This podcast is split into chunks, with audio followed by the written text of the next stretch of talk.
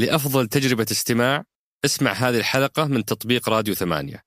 وتقدر تسمعها بدون موسيقى لو تحب. هذا البودكاست برعاية شركة صفا. المكتبات سيئة قليلة متباعدة ضعيفة غير فقر الكتب والأنشطة اللي موجودة فيها. 40% من المكتبات ما فيها ما تقبل إناث. يعني أنت 40% من مكتباتك لا تستقبل نصف الشعب. أطلقنا عليه اللي هو منصة آه، رفوف. أنه أي شخص يمتلك أي كتاب يسلمها لهيئة المكتبات. هيئة المكتبات راح تتيحها من خلال منصة إلكترونية لأي شخص يطلبه بشكل مجاني فقط يدفع رسوم التوصيل. فأنا أعتقد أنه مشروع طموح جدا. بس الأرقام ما بطموحة أبو, أبو ناصر. يعني من أي ناحية. وهل هذا يعني أدى إلى عزوف مجموعة من السيدات اللي يبغون مساحة خاصة فيهم يبغون ياخذون راحتهم؟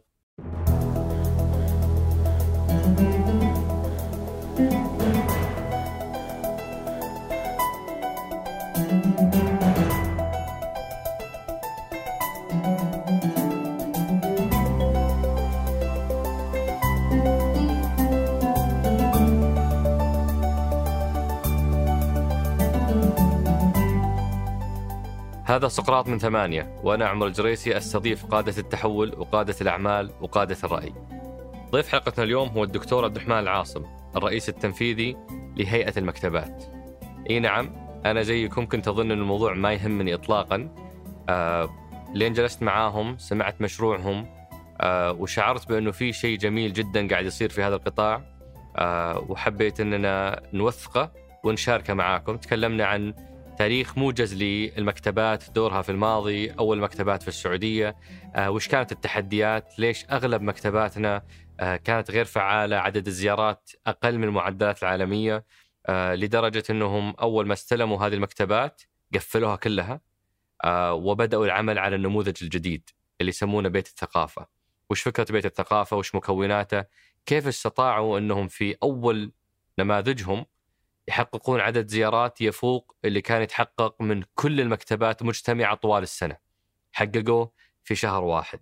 آه وكانت تجربة صراحة آه جدا مميزة. تكلمنا عن نقاط قوتها تكلمنا عن نقاط ضعفها آه وتكلمنا عن مبادراتهم الأخرى لتعزيز آه سهولة وصول المجتمع للقراءة والكتب.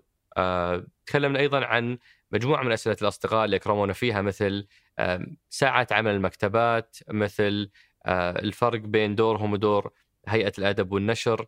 استعرضت كتاب المكتبه اللي اللي برجع لها الكتاب تقفلت. وين ودي الكتاب؟ المكتبات الخاصة وملاكها والكتب اللي عندهم. كيف ممكن يتعاونون مع الهيئة؟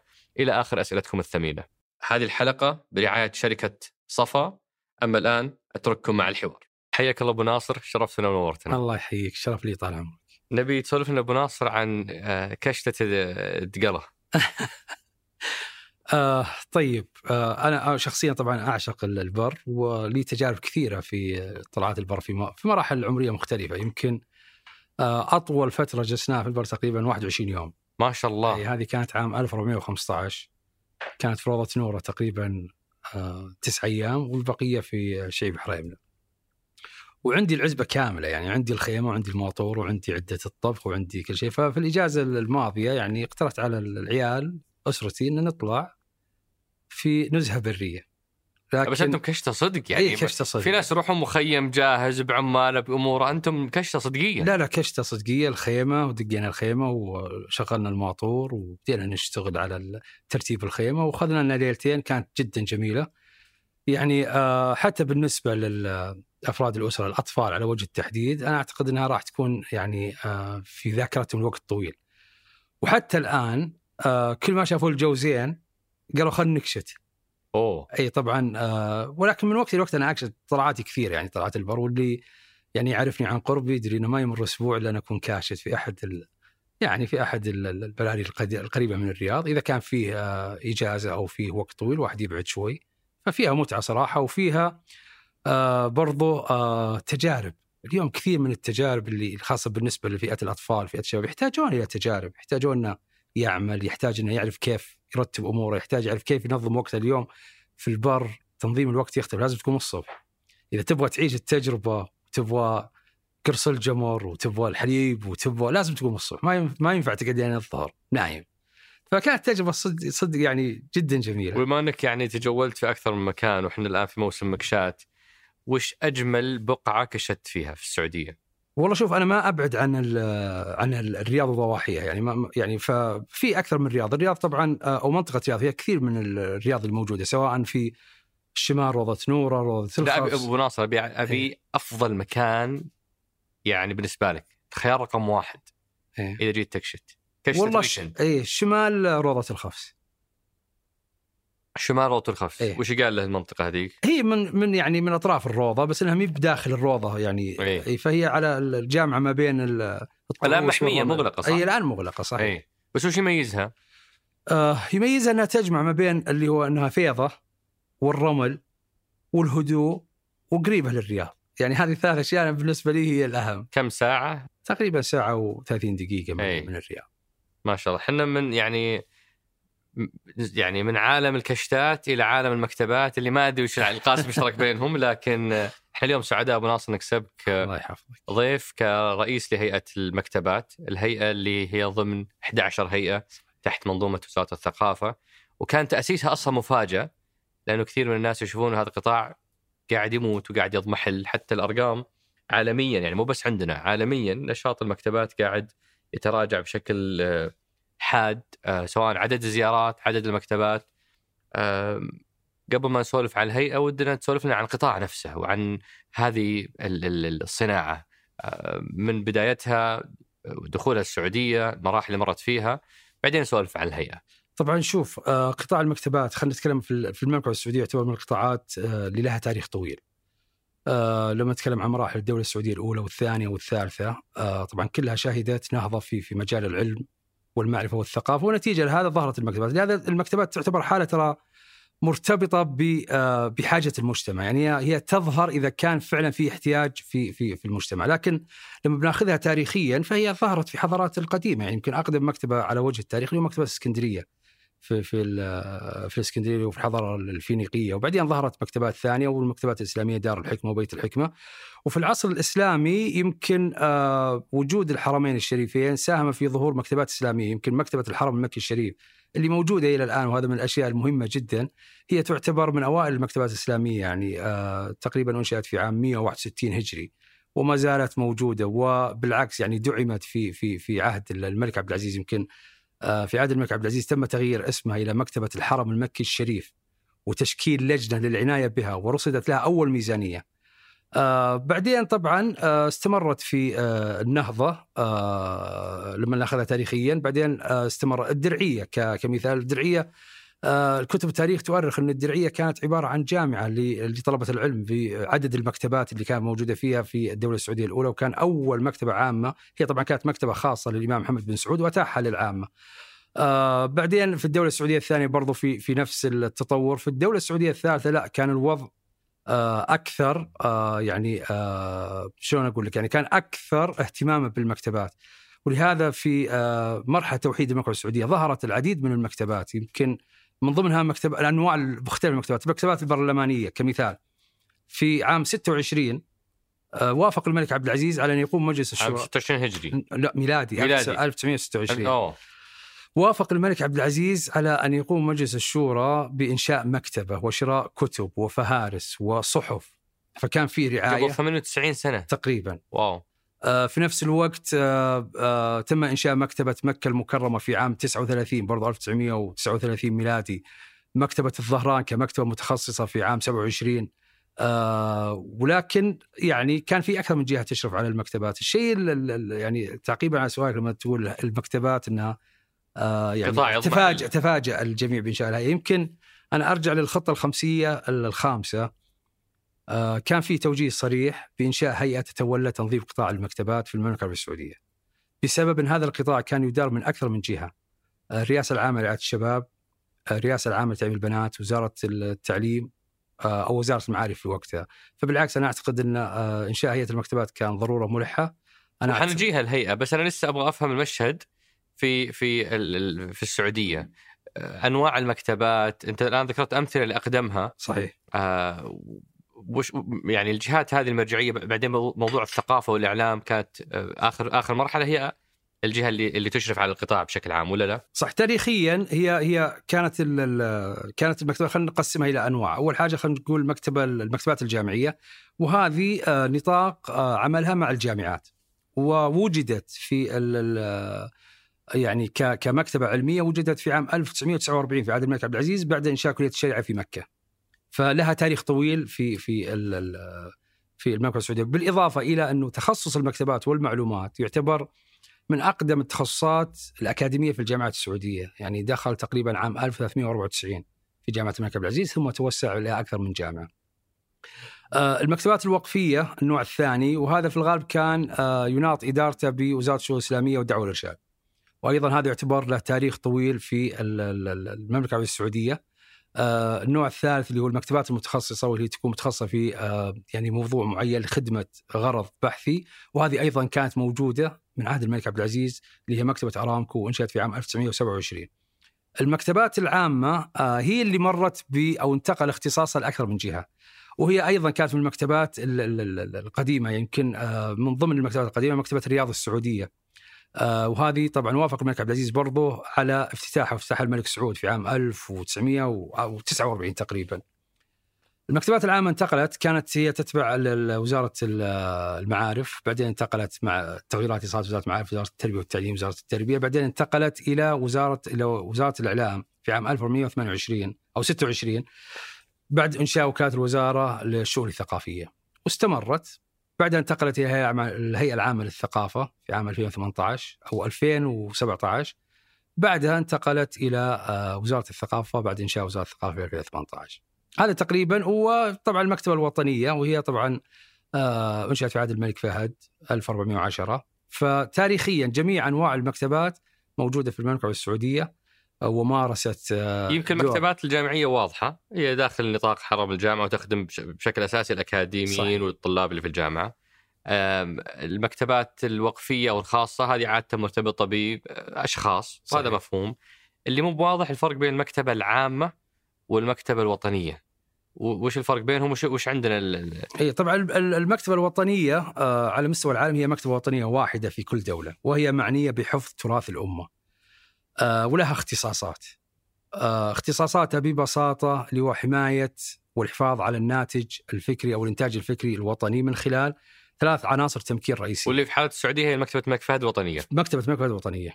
وهذه المكتبة طبعا لها تاريخ طويل. آه، يمكن بدايتها طبعا كانت هي عبارة عن إهداء من أعيان مدينة الرياض للملك فهد.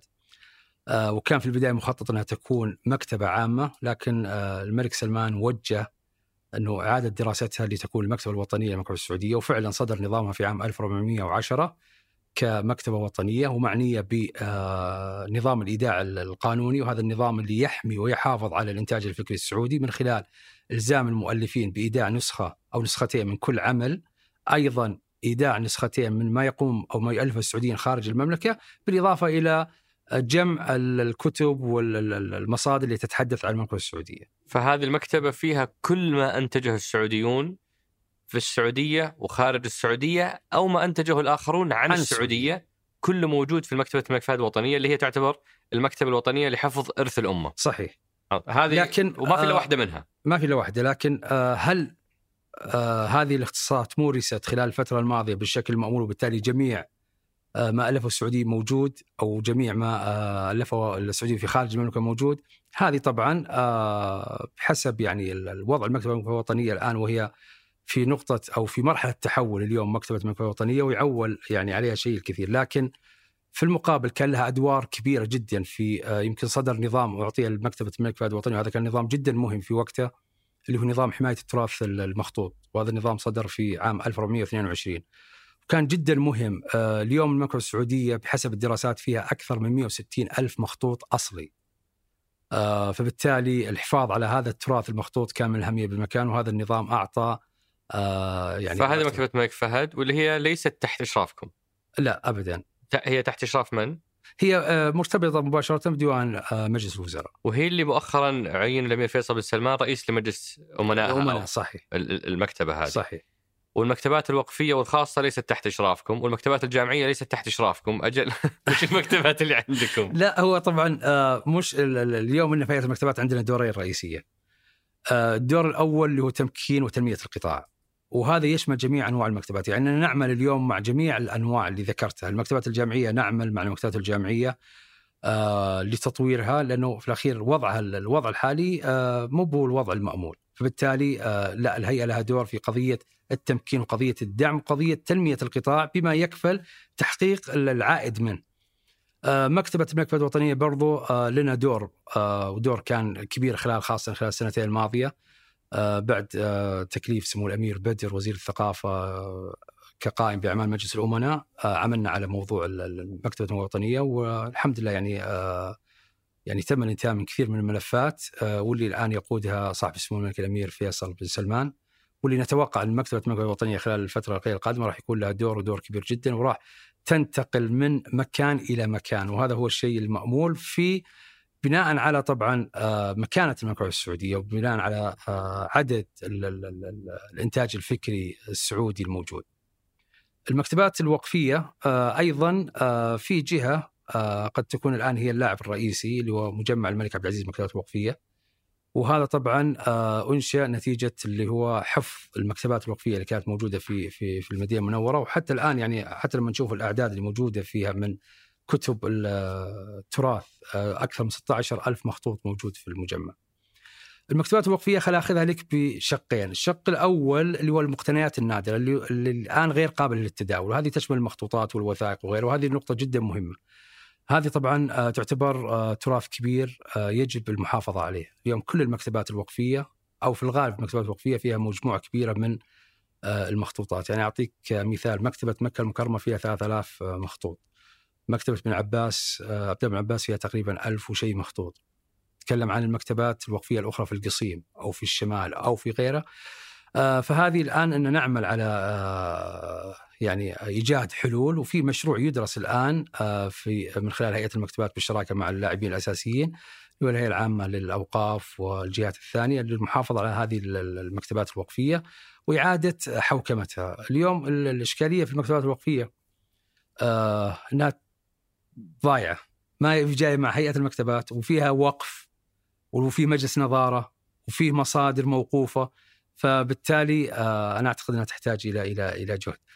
بالنسبة للمكتبات المتخصصة أيضا يعني اليوم المكتبات المتخصصة أغلب الجهات الحكومية والمؤسسات الخاصه تمتلك آه، مكتبات متخصصة لخدمة اللي الزوار والموظفيها من خلال إمداد المعلومات، أيضا لنا دور في قضية التشريعات والتنظيمات، فهيئة المكتبات هي جهه استجابة لتنظيم هذا القطاع. آه، يمكن تركيزنا في الهيئة خلال السنتين الماضية كان على المكتبات العامة لانها هي اللي آه، كانت موجودة وهي اللي انتقلت من وزارة الثقافة والإعلام أو وزارة الإعلام إلى إلى وزارة الثقافة بعد إنشاء الوزاره، فهذا هو كان السبب ومجال التركيز. كل ما سبق هي المكتبات اللي تحت إشراف جهات أخرى لكن لكم دور تتعاونوا صحيح. معاهم. الجاي هو الحديث عن المكتبات العامة اللي هي تحت إشرافكم المباشر وما في غيركم آه، له له له علاقة فيها. لا في في مكتبات آه، تدار من خلال قطاعات أخرى يعني عندنا مكتبة الملك فهد العامة في جدة وليست الملك فهد الوطنية. اي هذه تدار طبعا من جامعة الملك عبد العزيز عندنا مكتبة الملك عبد العزيز آه العامة في الرياض أيضا تدار من مؤسسة الملك عبد الله عندنا مكتبة مركز عبد الرحمن الستيري تدار آه من المركز.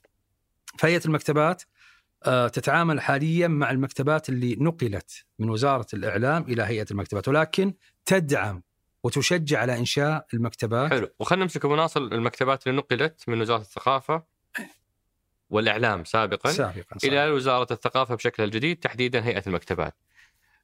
سولف لي عن واقع هذه المكتبات. هي حدود شيء و80 مكتبة صح؟ آه تقريبا 82 مكتبة. 82 مكتبة.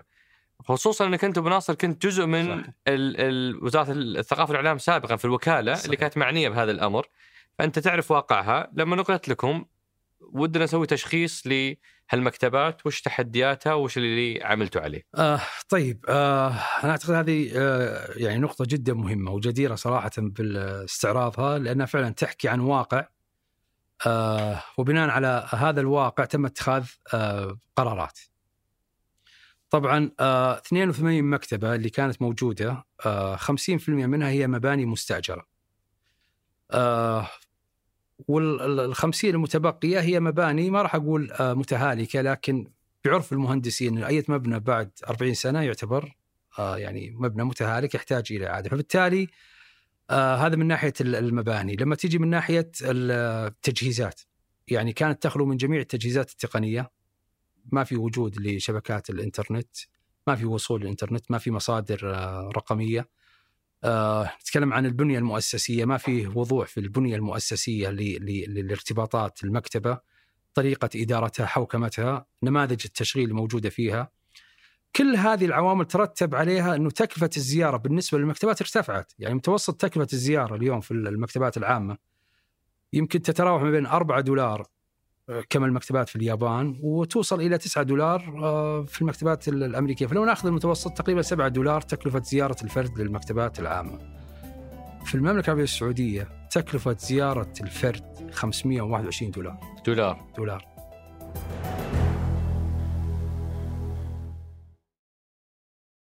معرفة الأخبار الاقتصادية صارت جدا مهمة هذه الأيام وممكن تأثر على حياة الكل اقتصاد الشرق مع بلومبرج تجيب لك آخر الأخبار وانعكاساتها عليك على مدار الساعة.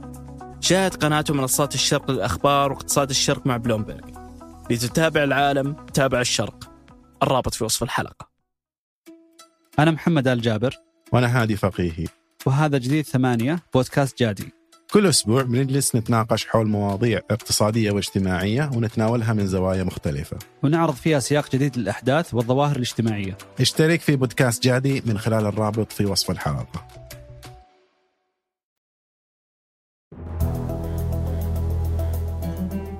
وهذه تقاس بأنه تحسب تكلفة المكتبة عدد الزوار ويقسم عليهم. فلان العدد قليل صارت الكلفة عالية جدا. عالية جدا. لاحظ برضو أنه آه لما حسبت التكلفة هذه ما حسب فيها التكاليف الرأسمالية حسبنا فقط التكاليف التشغيلية أجور الموظفين الخدمات اللي تقدم. فكان في آه يعني آه توجه إنه كيف نتعاطى مع آه هذه المكتبات خاصة إنه اليوم الوزارة عندها رؤية جديدة ودائما إنه في في المشاريع التطويرية. آه، تحتاج إلى آه، أن تبدأ قويا، اليوم المكتبات انت اشرت في بداية اللقاء إنه فيه عزوف. صح. فبالتالي أنت ما تقدر تبدأ ضعيف.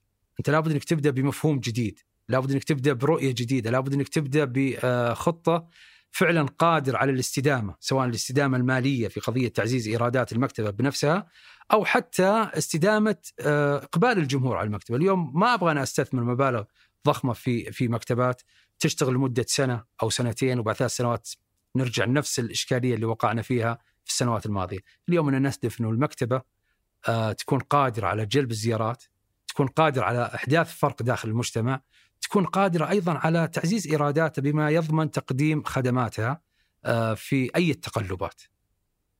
فهذا هذا هذا كان هدفنا في المشروع. بس بس قبل ما أدخل في الهدف يعني لو لو بشوف جزء من تحديات القطاع إنه مثلا عدد المكتبات العامة لكل مليون فرد يعني إحنا نتكلم يمكن المرحلة الحالية موضوع دور المكتبة صحيح. آه، تراجع كثيرا لأنه ما عاد هي مصدر المعرفة اليوم آه، صحيح.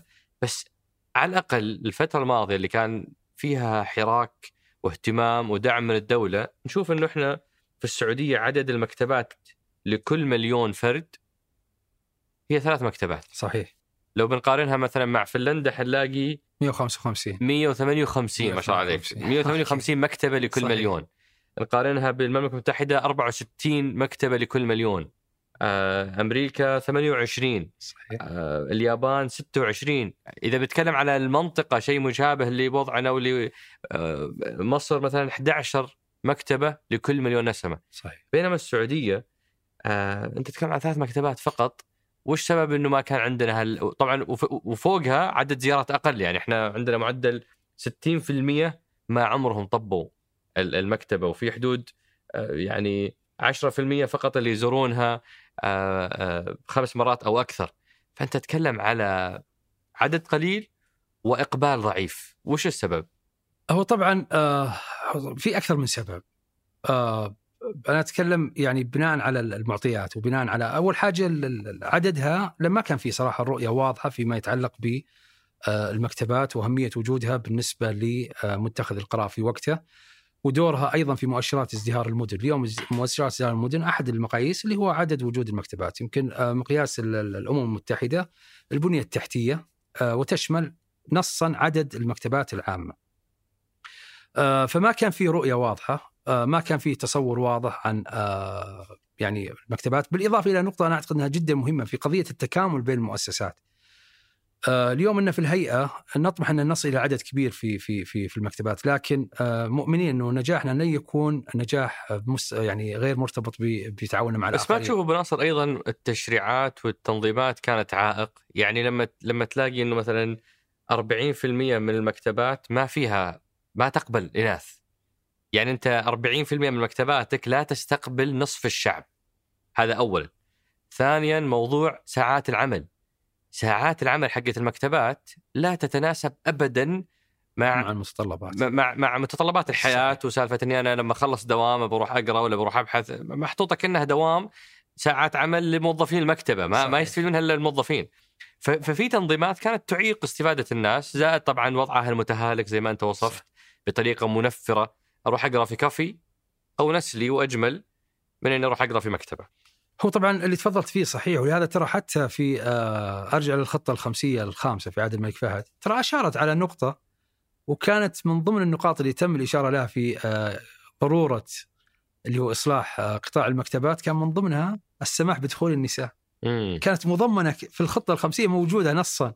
فهذه التشريعات يمكن نشوفها اليوم على مستوى كثير من القطاعات. صح. قطاع الرياضة كمثال يعني اليوم آه الإقبال على حضور المباريات ومختلف الألعاب يعني عاد زاد جدا بسبب التشريعات. فاليوم التشريعات تدعمنا في في الهيئة ما عندنا أي مشكلة في التشريعات. لكن أنا أرجع وأقول إنه ما كان في رؤية واضحة عن أهمية المكتبات آه توسع فيها بدون آه هدف واضح. آه كان في مشروع قدم أعتقد في آه 1429 آه له علاقة باعاده النظر في في المكتبات العامة اللي كانت تتبع لوزارة الثقافة والإعلام. إضافة إلى نقطة جدا مهمة أنا أعتقد إنه بعض الأحيان في بعض القرارات اللي تتخذ اللي كلها تأثير سلبي، اليوم نتكلم عن المكتبات المدرسية. المكتبات المدرسية إلى عام 1428 كانت تسمى بالمكتبات المدرسية، بعدين صدر قرار تحويلها إلى مراكز مصادر التعلم. مصادر ف- التعليم فأنت فصلت اليوم عن تنشئة الجيل على موضوع المكتبة، أنا يمكن نقطة آه، أحب أشير لها، أنا بداية حياتي الوظيفية كنت مدرس. آه وكنت أدرس مادة المكتبة ومصادر البحث في في آه في في آه المدارس، يعني اشتغلت سنة في القصيم بعدين جيت للرياض. فكنت يعني على علاقة جيدة مع الطلاب في قضية المكتبة وقضية اللي هو القراءة وحتى يعني أنا أذكر في أحد الثانويات في الرياض أصبحت المكتبة بالطلب من من كثرة يعني العدد اللي ال- ال- ال- الطلاب اللي كانوا يبغون يجون. آه، أيضا كان في ربط ما بين آه، المادة التعليمية وما بين مصادر المعلومات قدرنا يعني بجهود ذاتية أن نعزز آه، مواد المكتبة أو مصادر المكتبة بكتب وعناوين لها علاقة ب بتخصصات ال- ال- الطلبة في في المرحله الثانوية. أنا أعتقد إنه هذا التشتت هو اللي قاد إلى إلى إلى اللي وصلنا له، بالإضافة إلى نقطة جدا مهمة إنه برضو حتى في قضية التوسع في في المكتبات. آه، أنا أعتقد انه أمر مهم برضو في آه، دراسة ال- اللي هو السوق، يعني اليوم مش الهدف إني آه، أفتتح مكتبات. أو إني أستأجر مبنى وأحط فيه مكتبه، الهدف إنه فعلا هل في عائد وقادر على تقديم خدمات نوعية؟ يمكن أخوي عمر أشرت إلى نقطة جدا مهمة في قضية اليوم التقنية.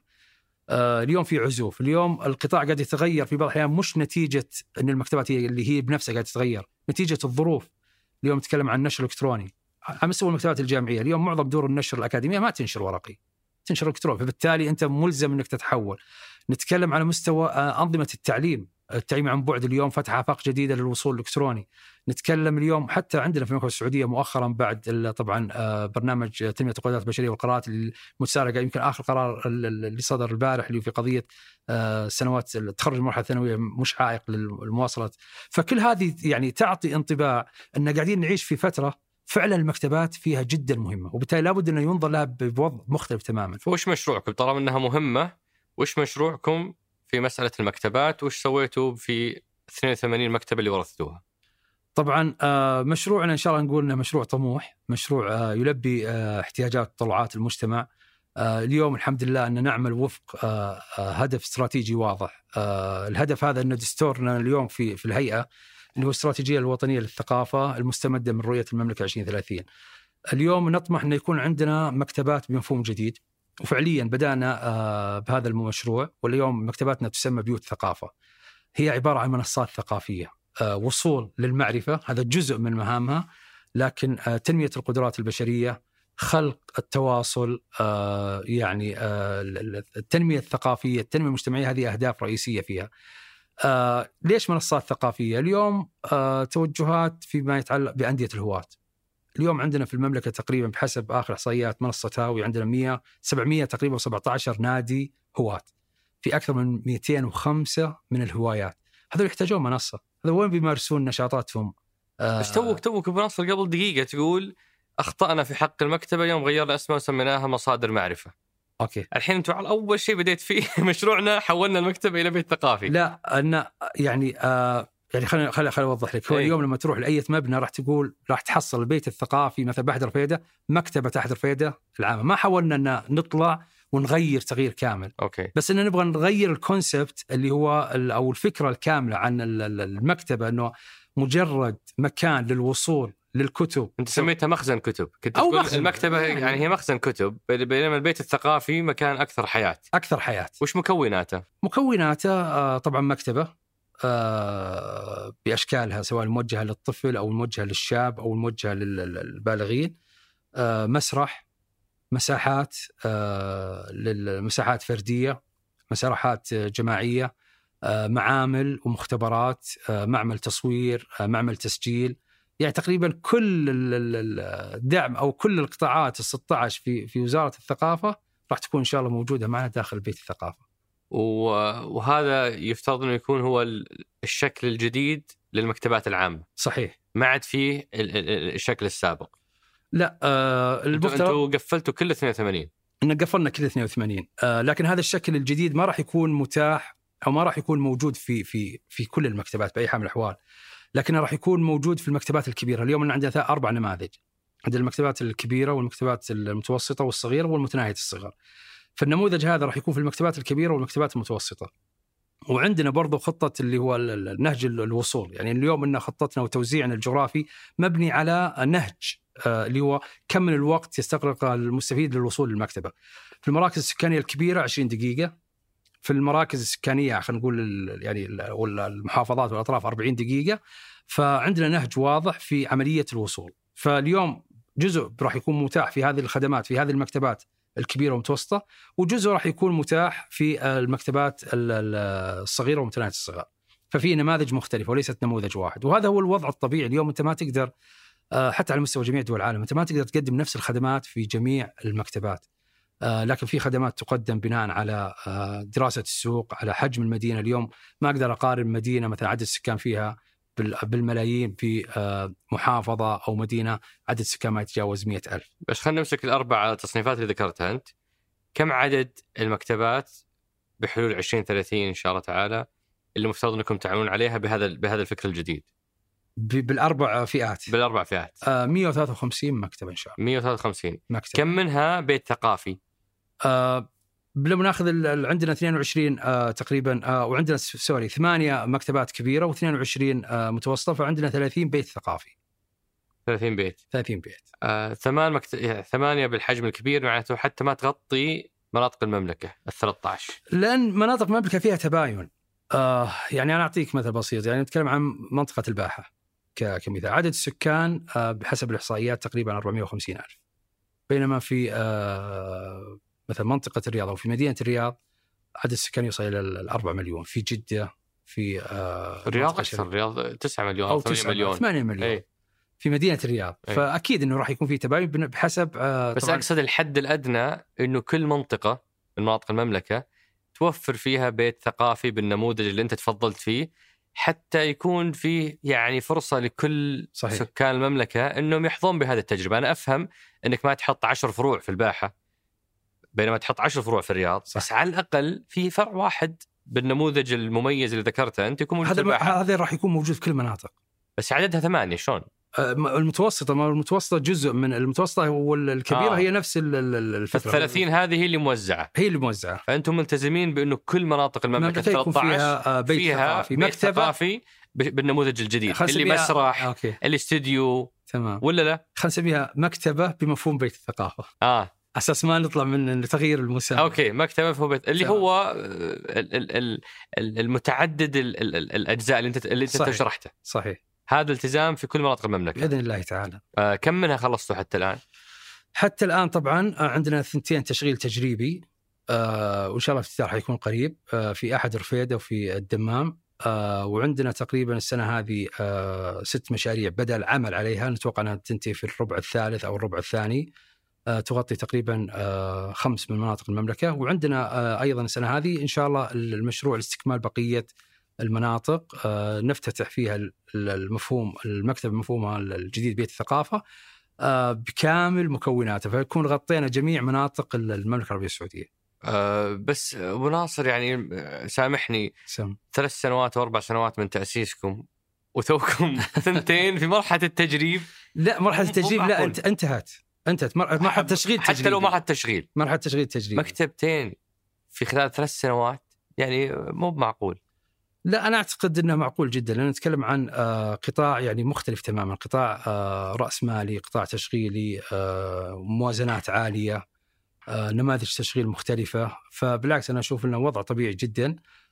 ولكن ال- التحدي بالنسبة لنا اليوم مش قضية ثلاث سنوات، الثلاث سنوات هذه كانت كلها عبارة عن جمع بيانات، تحليل بيانات، يعني أنا أعطيك من ضمن الأشياء اللي اللي اشتغلنا عليها خلال السنة الماضية. اليوم عندنا كثير من الأصول الحكومية آه، الغير آه، خلينا نقول غير مستفاد منها ويمكن أكبر مثال عليها اللي هو المراكز الحضارية التابعة لوزارة الشؤون البلديه والإسكان. هذه حلوة صراحة تعاونكم معهم يعني صراحة بذلنا جهد وقدرنا نبني قاعدة بيانات كاملة عن جميع المراكز الحضارية الموجودة في المملكة. آه، عددها، إحداثياتها، جاهزيتها، مستوى الإنجاز فيها، وقدرنا آه، نشتغل مع ال- مع ال- الجهات ذات العلاقة. يمكن أول مشروع راح يطلع إن شاء الله اللي هو واحة الملك سلمان اللي آه، قدرنا آه، وقعنا شراكة مع أمانة مدينة الرياض في الانتفاع منها مدة 25 سنة. فقضية اللي هو تعظيم الإفادة من الأصول الحكومية كان بالنسبة لنا موضوع جدا مهم. آه، مش قضية آه، آه، بناء اليوم آه، البناء يعني عارف إنه فيه الرؤية جت واضحة في فيما يتعلق بتعظيم الافاده من اصول الحكومة. فبالتالي كان نستهدف وين اللي نقدر نطلع بشكل سريع وفي نفس الوقت نقدر نوفر. اليوم لو طلعنا مع ال مع ال المراكز الحضارية على مستوى فقط 20 مكتبة أو بيت ثقافي آه، حجم الوفرات اللي راح نوفرها على على ميزانية الدولة تقريبا 8 مليار. آه، ف زائد السرعة لأنه زائد السرعة هي طبعاً. أغلبها مواقع قائمة زا- زائد السرعة والنقطة الأهم برضو اللي هو التشارك مع بين المؤسسات الحكومية في قضية اللي هو آه، المشاريع ال- ال- ال- الثقافية، اليوم ما تقدر تشتغل بالحالك بأي حال من الأحوال. وقاعدين نشوف الآن على كافة القطاعات آه، في مجال القطاع الرياضي، في مجال القطاع السياحي، التكامل بين المؤسسات، التكامل بين القطاع الحكومي والقطاع الخاص. أنا أعتقد إن هذا هو التحدي اللي اللي اللي إن عملنا عليه خلال ثلاث سنوات ماضية وخلال السنتين ما نقدر نقول ثلاث سنوات يمكن خلينا نقول سنتين. كورونا أنتم ما تحسبونها. لا لأنه تأسيس الهيئة يمكن تأسيس الهيئة كان في آه، فبراير 2020 ف يعني على ما تكون فريق العمل آه، على ما تم الانتهاء من الاستراتيجيه، الاستراتيجيه ما انتهينا منها إلا تقريبا في آه، شهر ثلاثة من 2021 آه، تعرف اليوم ما تقدر تشتغل بدون ما يكون عندك استراتيجية وأهداف ومؤشرات. فنقول سنتين هي اللي فعلا كانت آه، كانت يعني هي عمر الهيئه على الرغم من نقطة جدا مهمة وأنا بقولها برضو وهي تدعم كلامك لنا ثلاث سنوات. إن آه، استراتيجية تطوير المكتبات العامة طبعا هي كانت من ضمن مبادرات وزارة الثقافة اللي اعلنت عنها مع تدشين الاستراتيجيه واعتمدت قبل إنشاء هيئة المكتبات. أوه. اعتمدت اعتمد اسمه وزير الثقافة في ديسمبر 2019 ففعليا فأنتم يعني جاهزين وخاصين يعني المفروض نشوف أكثر من بس يعني على يعني في في نفس موضوع ال- ال- المكتبات بمفهومها الجديد كبيت للثقافة. أنا صراحة ما كنت مستوعبة وما كنت فاهمة لين يعني لما زرتك وعرضوا الزملاء نموذج مكتبة أحد رفيدة. الحقيقة إني مهما حاولت أوصف الموضوع أجمل مليون مرة من اللي أنا كنت أتوقعه. آه وال- والنجاح هو في إحياء المكان صراحة. أنا ما أظن عندنا عائق نبني أماكن حلوة. صحيح. نقدر نبني وسبق إن بنينا وبنبني وما هو بتحدي. التحدي هو شلون تقنع الناس، شلون تجذبهم، شلون تحفزهم إنهم يجون. آه واللي صار في هذاك المكان غير عادي، أنا بترك لك الآن مسؤولية إنك توصف للناس وش اللي صار في هذاك المكان، وش الأنشطة، وش الدورات، عدد المسجلين، عدد الزوار، لأنها فعلا حراك غير عادي. طيب بس أنا قبل ما أجاوب السؤال بس برجع ل... لأن سؤالك صراحة يلامس شيء كثير. حق السنتين؟ حق السنتين. أنا أنا الحين عفيتك من الحرج أنت لا لا لا, لا. بالعكس بالعكس. لأنه ثلاث سنوات ومكتبتين ترى ما حد بيقتنع بالعكس يعني اليوم آه في منتجات أطلقتها الهيئة يعني. الهيئة حنجيها. إي لا بس هذه جزء من خطة التحول. إي. يعني اليوم أنا ما أقدر أتكلم عن آه إني أوكي أنا وقفت خدمات المكتبات بشكلها التقليدي. صحيح. لكن في المقابل اشتغلت على الخدمات اللي اللي تلبي احتياجات الناس فيما يتعلق خاصة بالوصول إلى المعرفة. من خلال أكثر من مشروع. يمكن آه مشروع مناول مشروع مسموع مكتبات متنقلة. وهذه بسولف عنها. أي. بس بعد ما خلص مشروعكم الأساسي أي. والأكبر هو المكتبات. صحيح. وبالذات بالمفهوم الجديد كبيوت للثقافة. صحيح. بعدها حتكلم عن المبادرات الاخرى لأنها ليست بنفس الوزن. يظل هذا هو مشروع لكن هذه المبادرات الأخرى كانت لتغطية الجاب أو لتغطية الفراغ خلال السنتين. آه على على يعني آه، على مال ما تظهر مشاريعنا الرأسمالية ومشاريع الأصول كان في بدائل قدمت للمستفيدين لل- لل- للاستفادة منها، لكن برجع لأحد رفيته يعني تاريخيا أنا أعتقد أنها أول مرة تصير آه عدد الزوار خلال 38 يوم وصل 12000 عدد كبير جدا جدا جدا. يعني يعني أنا أسترجع لك بناء على يعني آه يعني خبرتي السابقة في وزارة الثقافة والإعلام آه يمكن مجموع ال- ال- المكتبات ما كان يوصل لل- العدد هذا. يعني أنا أذكر كثير من المكتبات اللي كنت طلبنا تقارير وراجعناها أن عدد الزيارات في الشهر لبعض المكتبات توصل 22 وبعض المكتبات 17 17 شخص. 17 شخص. أنتم هناك 12000 12000 في 38 يوم. قد يقدم اسبوعيا ما لا يقل عن 20 برنامج ما بين برنامج تدريبي أو ما بين ورشة عمل. في مختلف آه، المعرفة في تنمية القدرات في مجال التقنية.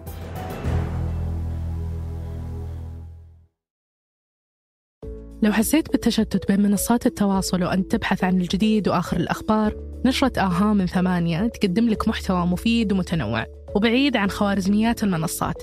تقراها في خمس دقايق صباح كل يوم. تقربك من المستجدات وتغنيك عن الجوال الباقي اليوم. انضم الآن من الرابط في وصف الحلقة. وش الرابط بين العلوم والجرائم الغامضة وعالم السيارات والمغامرة والسفر والحياة البرية وأسلوب الحياة؟ لو بنجمع كل هالأشياء في كلمة واحدة راح تكون الاستكشاف. متع فضولك مع منصة الشرق ديسكفري واستمتع بآلاف الساعات من المحتوى التثقيفي الترفيهي بالعربي بمعايير عالمية. اعرف أكثر من الرابط في وصف الحلقة. الجماليات المعمارية مهمة بس جودة البناء أهم وحداثة التصاميم مهمة لكن الخدمات والمرافق أهم. المهم والأهم مضمون. تملك المستقبل مع وحدات شركة صفاء للاستثمار. أعرف أكثر من الرابط في وصف الحلقة.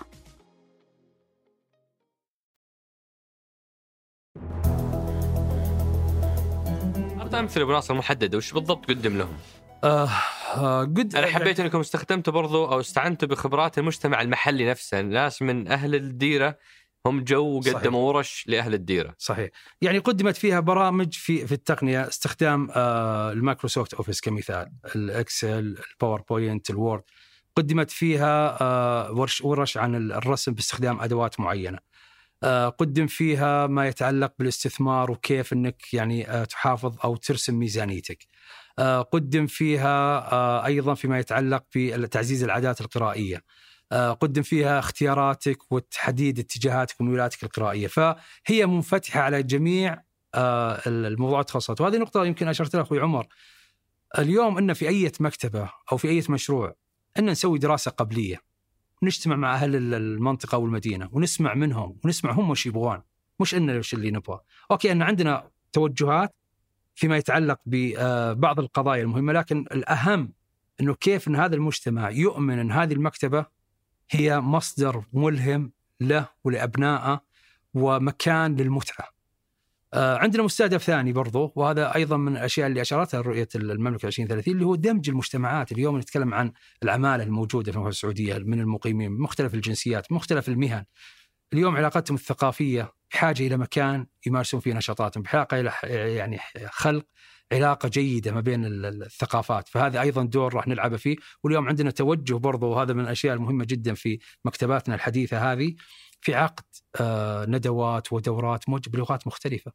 يعني اليوم أنا آه عندنا دراسة الآن تجرى في الدمام واحد رفيده معرفة أعلى الجنسيات الموجودة فممكن يكون عندنا بكرة آه وش ساعات. الدوام للمكان هذا؟ آه طبعا آه ساعات الدوام اللي هو آه إلى الساعة 10 في الليل. آه طبعا فيه طلب. يعني ما تصكون ثنتين الظهر مثل لا لا لا لا, شغل أول. لا لا ولا وعندنا توجه الآن مسموح للرجال والنساء إيه، بطبيعه أكيد، الحال. بكل تاكيد بكل تاكيد بالأعمار ما في سقف. ابدا. الجنسيات ما في سقف. ابدا. فهي مفتوحة للجميع. آه في قضية الفصل بين الجنسيين. أنا أعطيك دور هيئة المكتبات اليوم. يعني إلى وقت قريب كان بعض المكتبات آه تفصل بين الجنسين إلى إلى وقت قريب جدا جدا جدا. آه لكن الهيئه كان لها دور في آه إلغاء هذا ال- الموضوع في اليوم يعني ما في مكتبة تفصل فهذا أحد الأدوار اللي هو أدوار هيئة المكتبات لتطوير كفاءة القطاع. وهل هذا يعني أدى إلى عزوف مجموعة من السيدات اللي يبغون مساحة خاصة فيهم يبغون ياخذون راحتهم؟ لا لأنه في الأخير المكتب فيه مساحة مخصصة. بس اليوم نتكلم عن تجربة. آه يعني وكلنا يمكن إلى إلى وقت قريب أي شخص مر بمثل هذه التجارب اليوم لما نروح لأي مكتبة أو تروح لأي مكان يقول لك هنا قسم الرجال وهنا قسم ال- النساء. طيب والأطفال إيش وضعهم؟ هذا واحد. اثنين أنا جاي كتجربة عائلية. آه فبالتالي لكن إن عندنا في في في مشروعنا لا في أماكن مقصورات خاصة للنساء. آه في أماكن آه للصلاة طبعا لل- للنساء. فبس عملية الفصل الكامل انه في مدخل رجال مدخل نساء وهنا خدمة وهنا خدمة. فهذه أصلا حتى فيها تكاليف وفيها يعني آه يعني آه ما عاد فيها متعة. يمكن آه تجاربنا كثيرة كانت في وقت سابق أنت في كان في عزوف عن حضور بعض المناسبات أو الفعاليات بسبب اللي قضية الفصل.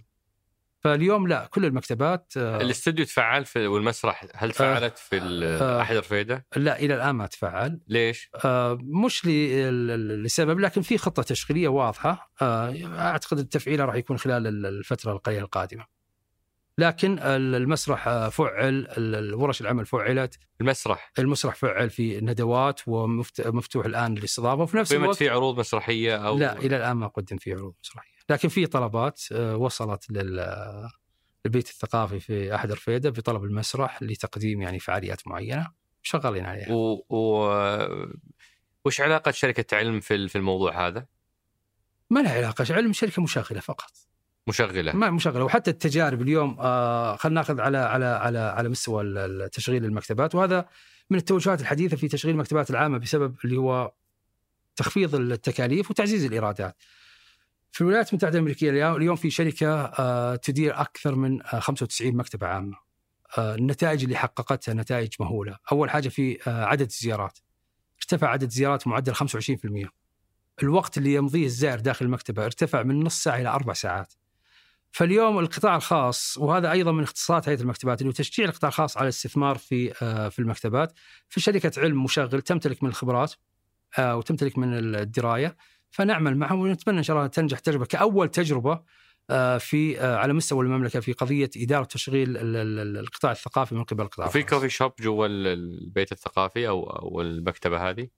المفترض إن فيه لسه ما بعد إي لا في عروض الآن يعني عرض وطلب لكن المفترض فيه وفي مطعم برضو. آه. إيه. فدور الشركة المشغلة إنها تجيب هذه الروافد التجارية وتحاول تغطي مصاريف المكان بحيث يكون مستدام صحيح حتى فيما يتعلق بالفعاليات تنظيم الفعاليات حتى ما يتعلق بتأجير المساحات كل هذه من آه، يعني من الأهداف الأساسية اللي خلتنا نفكر بطريقة أنه كيف أن القطاع يدار من خلال القطاع الخاص بس المؤكد إنه لن يكون من مصادر دخلكم رسوم دخول ولا آه، رسوم على أبداً. الورش هذه لأنه 12000 هذول ما جوك صحيح. إلا لأنك فاتح الباب مجانا صحيح. أول ما تبدأ تحط رسوم تضيق عليهم صحيح. أنت تكون حرمت آه، جزء من المجتمع إنه يستفيد من هذه الأشياء. لا طبعا ما راح يكون في رسوم. طبعا أول شيء بالنسبة للعضويات هي عضويات مجانية. حلو. لكن في عضويات متميزة. يعني اليوم أغلب المكتبات حتى على مستوى العالم العضويات بشكل مجاني لكن تسمح مثلا بإعارة آه، سبع كتب في الشهر. فأنا ممكن أعطي آه، يعني عضوية مميزة أسمح لك ب 14 كتاب. فترة الإعارة 21 يوم في العضوية المميزة ممكن أرفعها إلى 51 يوم. فهي يعني خيارية بالنسبة لل بس الحد الأدنى الحد متاح الأدنى للجميع. متاح للجميع بشكل. مجاني.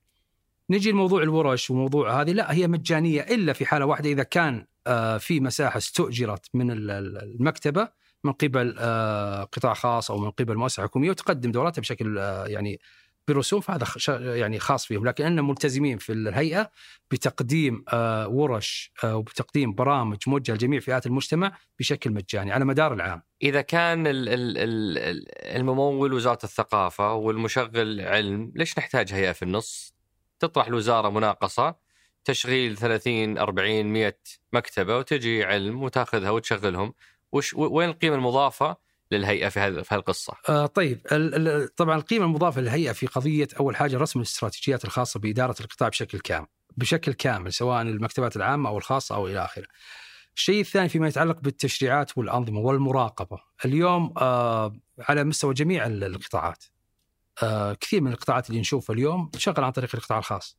هل يعني إلغاء الجهة الحكومية المسؤولة؟ لا بالتأكيد. بالعكس أنا أعتقد إن مثل هذه الممارسات تعطي الجهة مساحة أكبر. لو تمارس دور تنظيمي ورقابي. تنظيمي و- وبحث عن الفرص. اليوم لما نتكلم عن قطاع المكتبات آه، وهذه من ضمن الأشياء اللي اللي عملنا عليها آه، خلال الفترة الماضية. اليوم حتى في قضية فعاليات هيئة المكتبات هي لها ارتباط بنظريات التعليم بنظريات التعلم. اليوم ان ما نبغى الطفل مجرد إنه حضر فعالية. لا لا اليوم ان نبغى الطفل يطلع وهو اكتسب مهارة. المهارة هذه تنمو. يعني راجعنا جميع الإحصائيات والدراسات اللي نشرتها وزارة التعليم فيما يتعلق مثلا باختبارات كفاءة القراءة الدول اللي اللي تشارك فيه المملكة واللي حققت في في 2021 نتائج يعني شوي متقدمة مقارنة ب 2011 و2016. عرفنا بيانات جدا ملهمة ومهمة في قضية آه، الطلاب الأكثر تفوقا في القراءة هم من الفئة هم من الفئة ذات الدخل الاقتصادي مثلا المرتفع أو المنخفض هم من الفئة اللي عندهم مكتبة في البيت. آه، فلا إن عندنا مشروع ضخم في قضية اللي هو تنمية القدرات البشرية، اليوم إن نأمل آه، إن القراءة والمعرفة والوصول تصبح سلوك. وهذا اللي نراهن عليه، وهذا اللي أنا أعتقد إنه هو اللي راح يحقق جميع مستهدفاتنا. آه، اليوم آه، لما نشوف كثير من ريادة الأعمال على مستوى العالم، آه، لما نتكلم عن نعطيك مثل بسيط، في الولايات المتحدة الأمريكية المكتبات العامة تساهم في خلق تقريبا أكثر من مليون 500 وظيفة سنوية من الوظائف الحديثة. كيف تخلقها؟ من خلال تطوير ال- ال- الكوادر البشرية، من خلال دعم رواد الأعمال والمؤسسات الصغيرة والمتوسطة، أن بكرة نتأمل ونطمح أن مكتباتنا وبيوت الثقافة أنها تكون هي الملجأ لرواد الأعمال، هي الملجأ للحصول على المعلومات، هي الملجأ للفهم للسوق، لمعرفه ال- المجتمع معدل انفاقه على التقنية، معدل انفاقه على الثقافه، معدل انفاقه على الترفيه، على الرياضة، وبالتالي تقدر آه، تنطلق، ان نأمل إنه اليوم آه، وكلنا نتفق تماما اليوم آه، المهارات اللي يمتلكها الأشخاص هي اللي تقود. ال- اليوم كثير من الناس عنده إنترنت في البيت وعنده أكسس من خلال الجوال وغيره، لكن مو بقادر يوظف التقنية لخدمة حياته سواء اقتصاديا أو اجتماعيا. آه، اليوم عندنا مشروع ضخم فيما يتعلق بتعزيز الوعي المعلوماتي إنه كيف تقدر توظف التقنية لخدمة حياتك. آه، يعني وهذا من ضمن الأشياء اللي اللي نتائج الرؤية اليوم ال- ال- النشاط اللي قاعدين نشوفه النشاط التعليمي، النشاط الثقافي، الرياضي، الناس صارت تفكر في كل شيء، الناس صارت عندها طموح عالي، الناس صارت تفكر إنه لا إنه هذا الوضع ان نبغى نطلع فوق آه، قيادة سمو سيدي ولي العهد كانت ملهمة جدا. فاليوم إن المكتبات نامل أن نكون مظلة تخدم جميع قطاعات الدولة. وبالس يعني ما زلنا في الحديث عن تجربة أحد رفيده آه، أنتم نجحتوا في الأصعب وأنا أعتقد إن اللي شفته عدد الزوار ونوع الأنشطة والبرامج والورش اللي قدمت شيء يفوق التوقعات ولو استمريتوا بالطريقة هذه أنا أؤكد لك إنه حيكون في أثر آه، ثقافي على المجتمع لا يوصف. آم، فهو الجزء الأصعب سويتوه، الجزء الأسهل اللي هو تصاميم حلوة ملهمة محفزة. يعني هذا هذا ما صار. وهو- الغريب لأنه يعني كان معكم وقت. المنشآت هذه ما هي منشآت قديمة ورثتوها قاعدين تعدلونها. هي منشآت جديدة. آه، وزارة الثقافة كل مشاريعها ذات جودة تصميمية تفوق العادي تفوق الخيال. آه، لما شفت المكان جدران بيضاء إضاءة بيضاء حسيت إني في عيادات. مكان ما هو ما يعطيني شعور الإلهام اللي اليوم ناس تروح تختار كافي شوب عشان تقرأ فيه لأنه والله المكان بصريا. ممتع وين كانت مشكلة طبعا هي ما هي بسيئة عشان لا أحد يفهمني غلط هي ليست سيئة بس لا توازي المتوقع من وزارة الثقافة ومن هيئاتها ومشاريعها اللي دائما تعودنا أنها تكون. شيء مميز. هو طبعا يمكن ال- الحكم من خلال الصور أي آه، قد يكون لكن آه، أنا أقدر أقول لك إن المكتبات والتصاميم روعي فيها أعلى المعايير آه، لكن أنا أتفق تماما كان ينقص بعض العناصر الثقافية اللي تكون موجودة.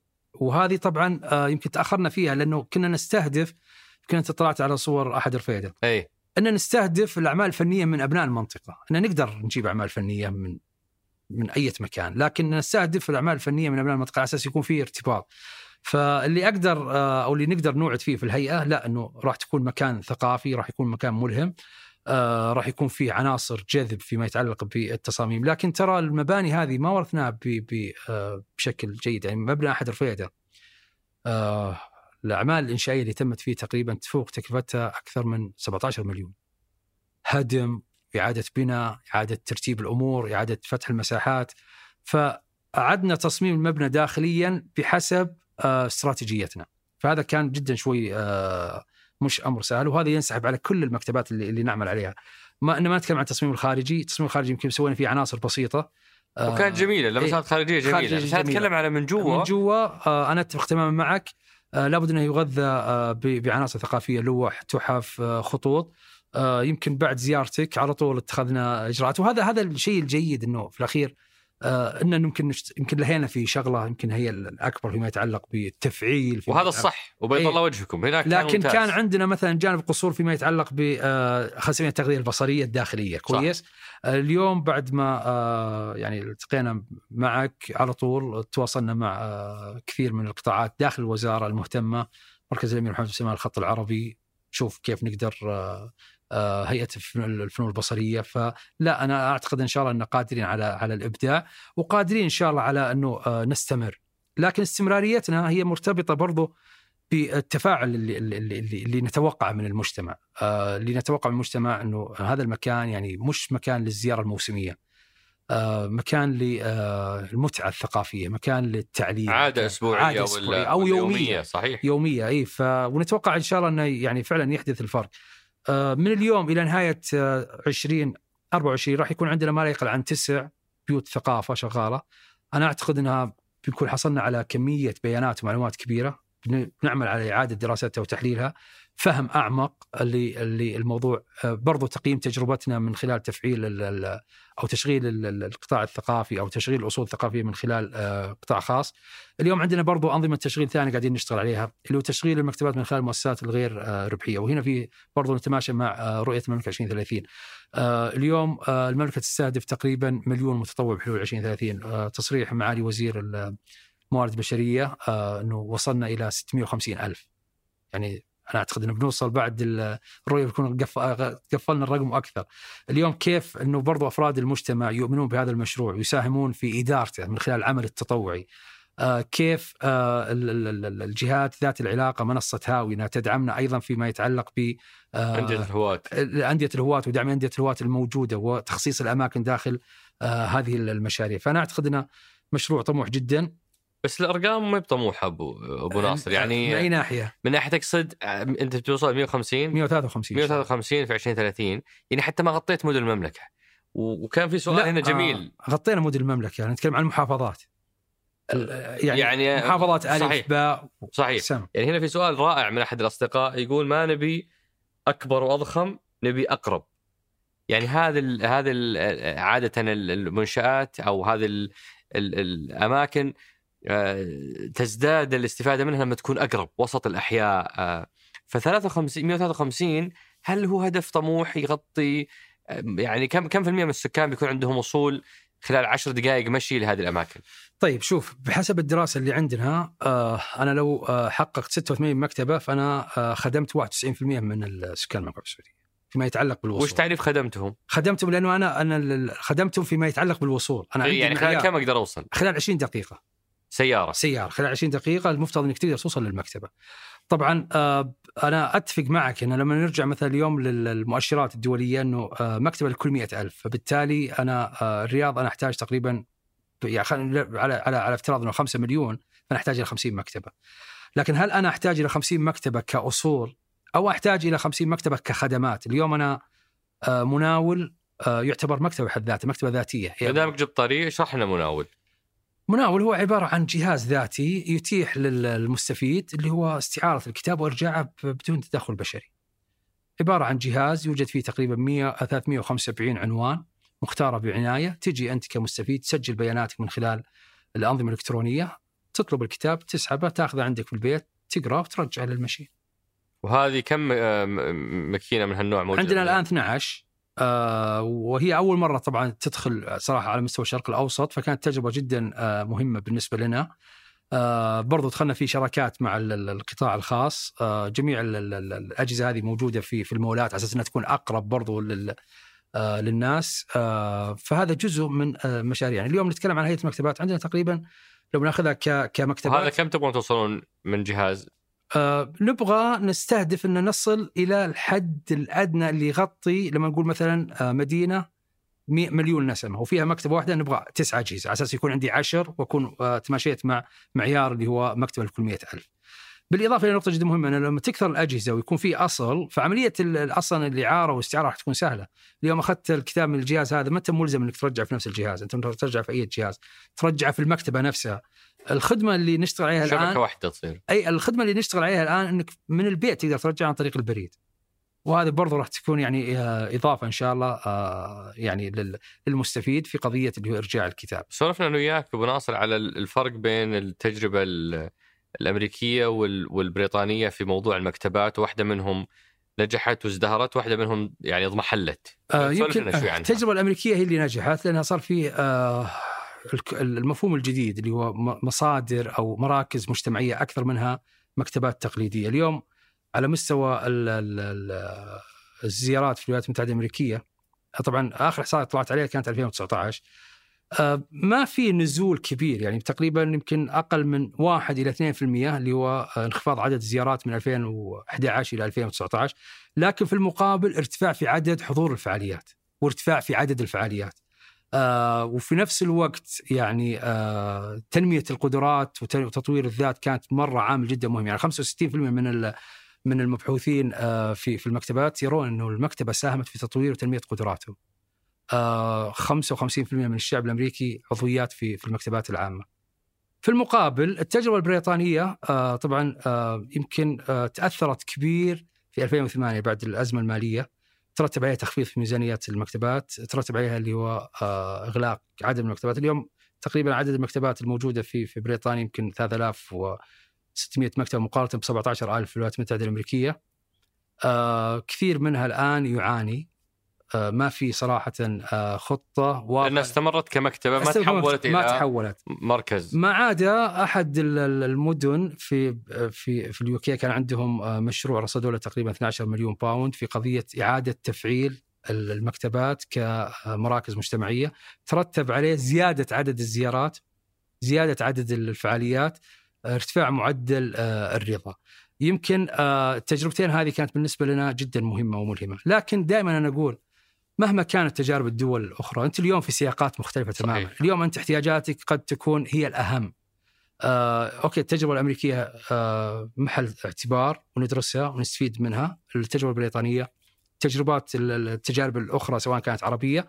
لكن اليوم أنا عندي سياقات مختلفة. أنا اليوم عندي مشاريع آه، لها علاقة بجودة الحياة. عندي مشاريع لها علاقة ب آه، تنمية القدرات مشاريع عندي آه، مبادرات ومشاريع لها علاقة بإثراء تجربة الحاج والمعتمر كل هذه تصب وتتطلب مني إني أعمل وفق هذه الاستراتيجيات وأستفيد من ال- ال- التجارب الأخرى.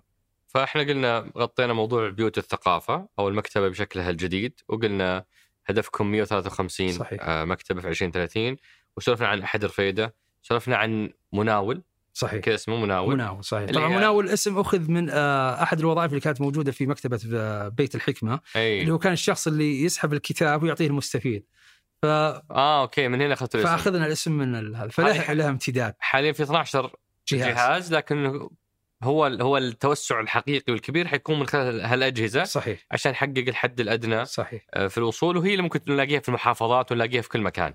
لا في المحافظات طبعا إن شاء الله راح نلاقي لكن يعني حسب تصنيف المحافظات محافظة ألف باء جيم يعني اليوم أنت عارف آه، يعني كثير من المحافظات تكون قريبة صح. تقريبا فصعب إنك تحط في كل محافظة مكتبة لكن ممكن تجي للمركز الأساسي أو المحافظة وتخدم بقية المراكز اللي اللي اللي تتبعها فهذه آه، من ضمن يعني ال- الاعتبارات عندنا وهذا من الأشياء اللي راح نغطيها إن شاء الله وفي أيضا شفت من عندكم تجربة مسموع. سمع أو مسموع مسموع وش هذه؟ مسموع طبعا هو مكتبة صوتية آه يعني روعي في تصميم أنها تحاكي اللي هو آه كباين الاتصالات السعودية كانت موجودة في فترة الستينات والسبعينات أو السبعينات والثمانينات ال- ال- ال- الميلادية. آه وهذا طبعا توجه عالمي. كثير من الدول بدأت يعني توظف ال- الكباين الصوتية في أكثر من مشروع. فمشروع آه، مسموع صراحة حصل على يعني ردود فعل جدا جميلة. وفي نفس الوقت عدد المستخدمين عالي جدا. اليوم آخر إحصائية خلال ال- من بداية إطلاق المشروع إلى اليوم عدد المستخدمين وصل تقريبا إلى 253 ألف مستخدم. لي جهاز مسموع. عجيب. طبعا أعلى المدن جدة معدل الاستماع فيها عالي جدا آه بعدين آه، الرياض بعدين ال- المنطقة الشرقية. لو تشرح بشكل مبسط أبو ناصر شلون طريقة الاستخدام؟ طريقة استخدامها أنك تقف أمام الشاشة تضغط إبدأ تختار من العناوين الكتب اللي موجودة تختار بحسب الموضوع. مثلا أبغى في تنمية المهارات مثلا الشخصية. كليك يطلع لك الكتب الموجودة تضغط على كتاب يعجبك تسمع مقطع تقريبا آه، مدته إلى خمس ثواني مختصر الكتاب. جاز لك الكتاب QR على جوالك تسمع الكتاب وأنت ماشي. فهو مكتبة مجانية. مجانية. آخذ الكتب ال- ال- ال- إذا إذا الخمس إذا ملخص الخمس ثواني صحيح. شوقني باركود ألاقيه يتحمل على جوالي. تسمع. وأسمع وأنا مكمل. صحيح. فاللي و- ما اللي ما يحبون القراءة الكتب ال- المقروءة عندهم مكتبة ضخمة من الكتب المسموعة. صحيح. كم آه، عنوان في في الجهاز؟ آه، حتى الآن وصلنا تقريبا إلى آه، 100 وتقريبا 50 عنوان. مجاني. مجانا. أضفنا عليها برضو آه، مؤخرا تقريبا 50 عنوان باللغة الإنجليزية. ودائما يعني هذه نقطة جدا مهمة ودائما محل نقاش بيني وبين الزملاء في الهيئة. أنا دائما المكتبة نعرفها انها كمتخصصين أنها كائن ينمو. يعني لا, لا تقول لي 150 شوي لأن ستنمو مع الوقت إلى أن توصل إلى عدد كبير. زيها زي المكتبات الرقمية زيها زي المكتبات التقليدية. نقطة جدا مهمة برضو في قضية هذه من الأشياء اللي اللي اللي طلعت عليها وشدتني صراحة لما آه، يعني الزملاء يشاركون معي اللي هو الإحصائيات. أحب أن أدخل بعض التفاصيل. أنا أتذكر ال- المشرف الدراسي اللي كان يشرف علي دائما يقول لي يقول تخيل أنك رقم داخل هذه الأرقام. فأثناء عملية تحليل البيانات. وتتعرف على الرقم اللي جنبك والرقم كذا. فأنا دائما يعني يمكن الزملاء يشوفون إني أكون حريص في لما تيجي التقارير اطلع عليها. فأنا أتصفح التقارير. وجدت طبعا آه، أول حاجة طبعا معدلات الاستخدام تتفاوت من مكان لمكان آخر. وهذا مؤشر يستخدم المفترض إنه يستخدم بالنسبة أو نستفيد منه أنه في الهيئة. أو حتى بالنسبة للباحثين الراغبين في في في دراسة آه، خلينا قطاع النشر أو قطاع ال ال يعني ال ال ال الكتاب في المملكة السعودية. الشيء الثاني إني قاعد أستعرض أكثر الكتب استماعا. كذا شفت من ضمن ال- ال- العرض اللي هو أكثر الكتب استماعا يعني تفاجأت إنها كلها تتماشى مع آه، الرؤية. تطوير القدرات، الرجل الذكي، الأب الفقير والأب الغني، ال ال كلها ماشية بالإضافة طبعا إلى الروايات والقصص، فهذه تعطيك انطباع وتعطيك يعني تصور كامل عن توجهات. توجهات. وهذه يعني آه راح تساهم في في في في تغذية اللي هو قطاع النشر، اليوم هيئه المكتبات لها دور كبير جدا في قضية تحسين قطاع صناعة النشر. آه وهذه برضو من النقاط اللي اللي اللي عملنا عليها خلال الفترة الماضية، آه يمكن أنا وكثير من اللي في, في عمري ما زلنا إلى علاقتنا جيدة بالكتاب ال- ال- الورقي. آه بينما نجد إن الكتاب الإلكتروني ما يستهويني بشيء كثير. لكن اليوم لابد إنك تشوف التوجه الحقيقي وين رايح. فكان فيه بعض الملاحظات على الهيئة أن الهيئة قاعدة تتوجه إلى الوصول الرقمي وتنسى الجانب ال- الإلكتروني. التوجه للوصول الإلكتروني مهم جدا لكن الإشكالية الآن اللي نواجهها خاصة ما يتعلق بالكتاب السعودي إنه غير متاح بشكل إلكتروني. فبالتالي آه قطاع النشر لما يعرف إن فيه جهة راح آه يعني آه تشتري من هذه النسخ شيء طبيعي إنه سيعمل على تحويل منتجة إلى إلى نسخ. إلى نسخ رقمية وبالتالي أنا أستفيد منها وأعزز صناعة قطاع النشر في المملكه السعوديه، وفي مشاريع طبعا وهذه النقطة من الأشياء اللي, اللي تحسب للوزارة. وتحسب لل يعني للتوجه العام التكامل بين ال- الهيئات والتكامل بين القطاعات الثقافية اليوم اللي قاعد يصير في آه على مستوى الوزارة. واحدة من مبادراتكم المهمة أبو ناصر هي تصميم وبناء مكتبة رقمية للأطفال صحيح وأعتقد إنه هذا فعلا فعلا بيكون مغير لسلوك ال- الأجيال القادمة إذا بدينا نحفزهم ونشجعهم على القراءة من عمر مبكر. وش أخبار هالمبادرة؟ طيب آه بالنسبة لل- لل- للمكتبة الرقمية ومكتبة الأطفال هي جزء من مشروع كامل اللي هو منصة الرقمية وهذا أيضا أحد المشاريع المهمة اللي اللي عملنا عليها خلال ال- الفترة الماضية ومن المتوقع تدشين ال- المنصة خلال ال- الربع الأول بإذن الله تعالى هذا العام. آه آه كان عندنا مشكلة على مستوى المكتبات وما زالت المشكلة قائمة لليوم. ما عندنا إحصائيات عن عدد المستخدمين المكتبات. ما عندنا احصائيات عن حركة تد... تد... يعني تداول أوعية المعلومات، كم عدد الكتب اللي استعارت، كم الأفراد استعاروا.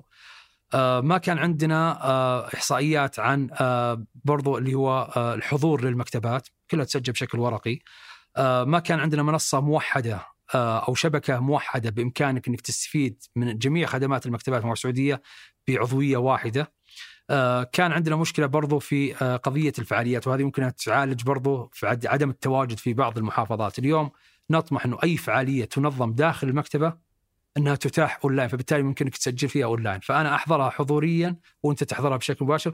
بنفس الخصائص تمنح لك شهادة حضور إذا كان في شهادة حضور يسمح لك بالمداخلة والمشاركه بالإضافة طبعا إلى اللي هو آه، إنه تكون مصممة بناء على آه، خلينا نسميها اللي هو البيرسوناليزيشنز أو نسميها اللي هو السمات الشخصية. إنك خلاص أنت مجرد إنك تدخل على النظام النظام يبدأ يتعرف على آه يبدأ يتعرف على احتياجاتك يبدأ يقدم لك المقترحات. آه نشتغل الآن برضو على توظيف تقنيات الذكاء الاصطناعي في في في بوابتنا ال- ال- الرقمية. مشروع إن شاء الله أنه يكون جدا جميل. فنطمح إن شاء الله إن هذه المنصة تكون آه يعني آه هي المرجع الأساسي للجميع المقيمين في المملكة السعودية من يعني المواطنين ومن المقيمين في عملية الوصول لمصادر المعلومات. أيضا قبل ما نتيحها أن اتحنا الآن أن اليوم عندنا منصة آه، رقمية أيضا فيها تقريبا أكثر من 6000 عنوان بالإمكان الوصول لها.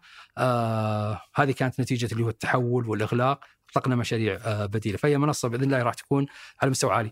بالنسبة للأطفال عندنا مشروع ثاني أيضا مع وزارة التعليم نجم القراءة راح يطلق إن شاء الله هذا السنة وهذا سيعمل بإذن الله تعالى على تعزيز العادات القرائية ورفع مستوى الوعي كم. يعني هل هل بلقى في مكان واحد في تطبيق واحد في الآيباد ولا في التابلت الجهاز اللوحي مجموعة من العناوين الممتعة صحيح. المشوقة عربي إنجليزي صحيح بحيث إنه أقدر أقول لعيالي خلوكم معاها إلى الليل ما-. اشيل همكم صحيح كم كم عنوان بيكون فيه؟ طبعا أنا ارجع. أقول اللي هو المكتبة عض... آه، كائن ينمو صحيح. فراح يكون فيها عناوين. حتى الآن ال- البداية بكم؟ البداية حتى الآن المكتبة ال- ال- الرقمية أعتقد وصلنا إلى ال- حول ال 200 ألف. 200 ألف عنوان. هذا إجمالي المكتبة. إجمالي المكتبة. كم منها للطفل؟ آه للطفل إلى الآن في مرحلة لأنه هذا النقص هنا إيه. هنا التحدي. آه الطفل في مرحلة طبعا في مرحلة اللي هو جمع العناوين. ما عندنا صراحة عدد كبير لكن تبدأ؟ لكن برجع لنقطة جدا مهمة لأنه في الأخير ترى حتى كتاب الطفل آه، فيه ضعف في إنتاج كتاب الطفل. طبعاً. فبالتالي راح نواجه فيها تحدي. آه، ولهذا نشوف آه، بس طقوا الباب على جيرانكم. ما قصروا. جيرانكم هيئة الأدب اي ما قصروا اشتغلوا على على مسرعة أعمال لأدب الطفل. في نسخة أولى السنة الماضية وهذه النسخة الثانية فبالتالي في مشاريع آه، كبيرة فيما يتعلق بثقافة الطفل نعتقد أننا راح نكون جزء من هذا متى بتبدأ الإحراج. المبادرة هذه؟ آه، مبادرة المكتبة الرقمية إي اللي جزء. منها حق إي هذه إن. شاء الله الربع ال- ال- الأول راح تطلق إن شاء الله الربع الأول تكون بإذن الله تعالى عبارة عن إيش؟ هي website ولا website ولا لا website مبدئيا ويجري العمل الآن على تطوير التطبيق الخاص فيها.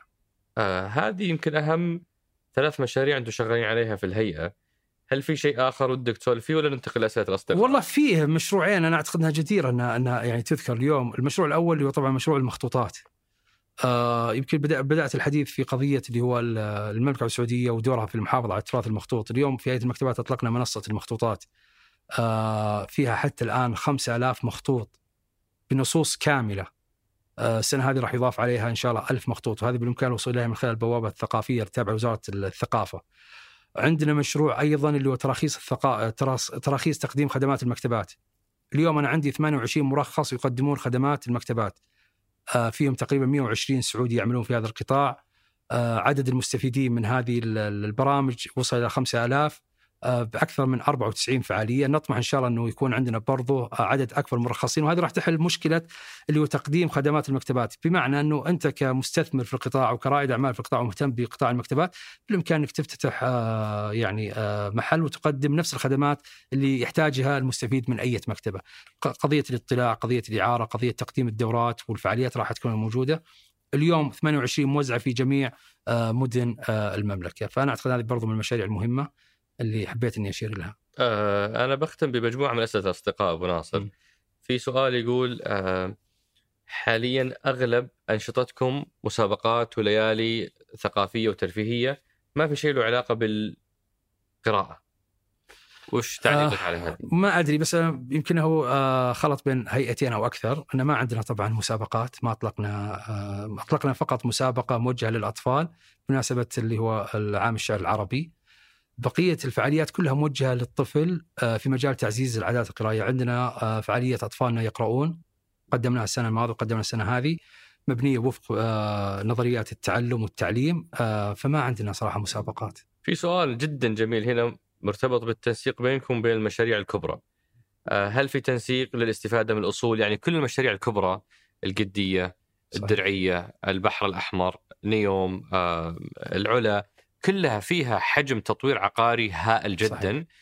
إنه غريفة في طرف المشروع تخصص بيت ثقافي تخدمهم إنه أنتم تحيون جزء من مكانهم صحيح وتخدمكم بإنهم شالوا عنكم عبء التطوير زي ما صار مثلا في موضوع الملاعب يعني اليوم شفنا مثلا القدية بنى ملعب صحيح. أو سيبني ملعب مشروع وسط جدة حيبني ملعب الاتحاد والاهلي شيء زي كذا هل في تنسيق؟ جدا تنسيق يعني على مستوى المشاريع الكبرى على مستوى مستوى اللي هو المشروع اللي يعلن اللي هو وسط المدينة الداون تاونز برضو بين بين تنسيق فإن يعني موجودين في كل من المشاريع اللي فيها. مين اللي قفلتوا معاهم خلصتوا معاهم؟ آه, والله آه الجميع تقريبا قفلنا معه. آه معتمد لكم موقع في معتمد- كل معتمد هالمشاريع موقع في هذه المشاريع.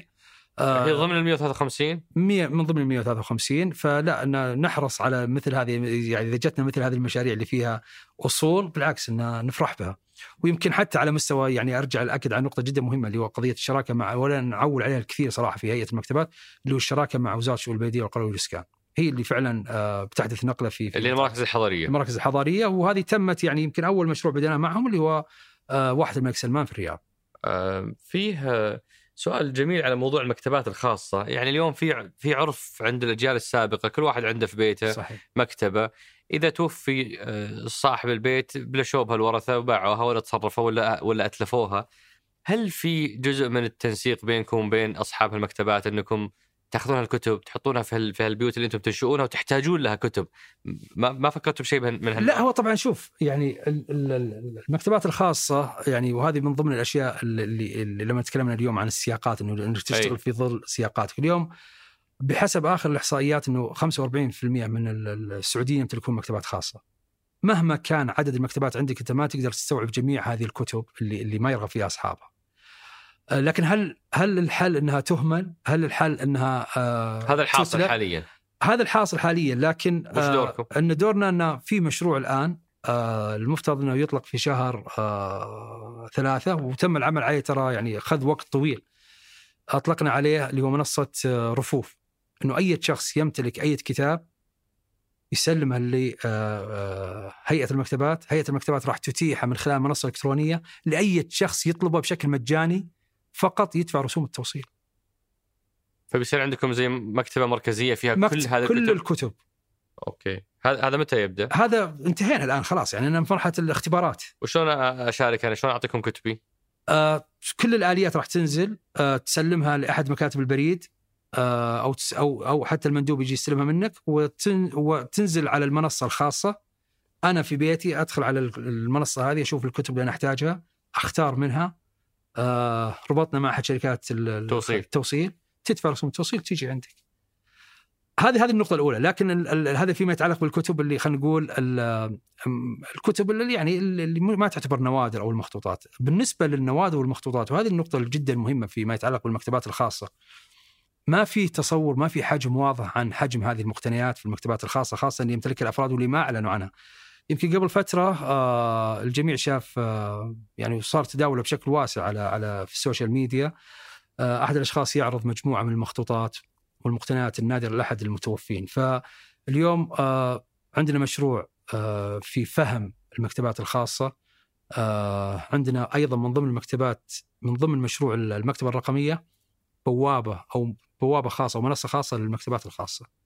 هذا الآن موجودة هذه بتطلق مع إطلاق المكتبه الرقميه آه ممتاز فيصير النافذة أي شيء عندي يصير صحيح أقدر أسلمكم إياه لا هذه تعرض عليها أنه أي. آه، مثلا أنا عندي كتب وهذه الكتب اللي موجودة عندي بس على أساس أن نفهم حجم المكتبات الخاصة والمقتنيات اللي موجودة فيها.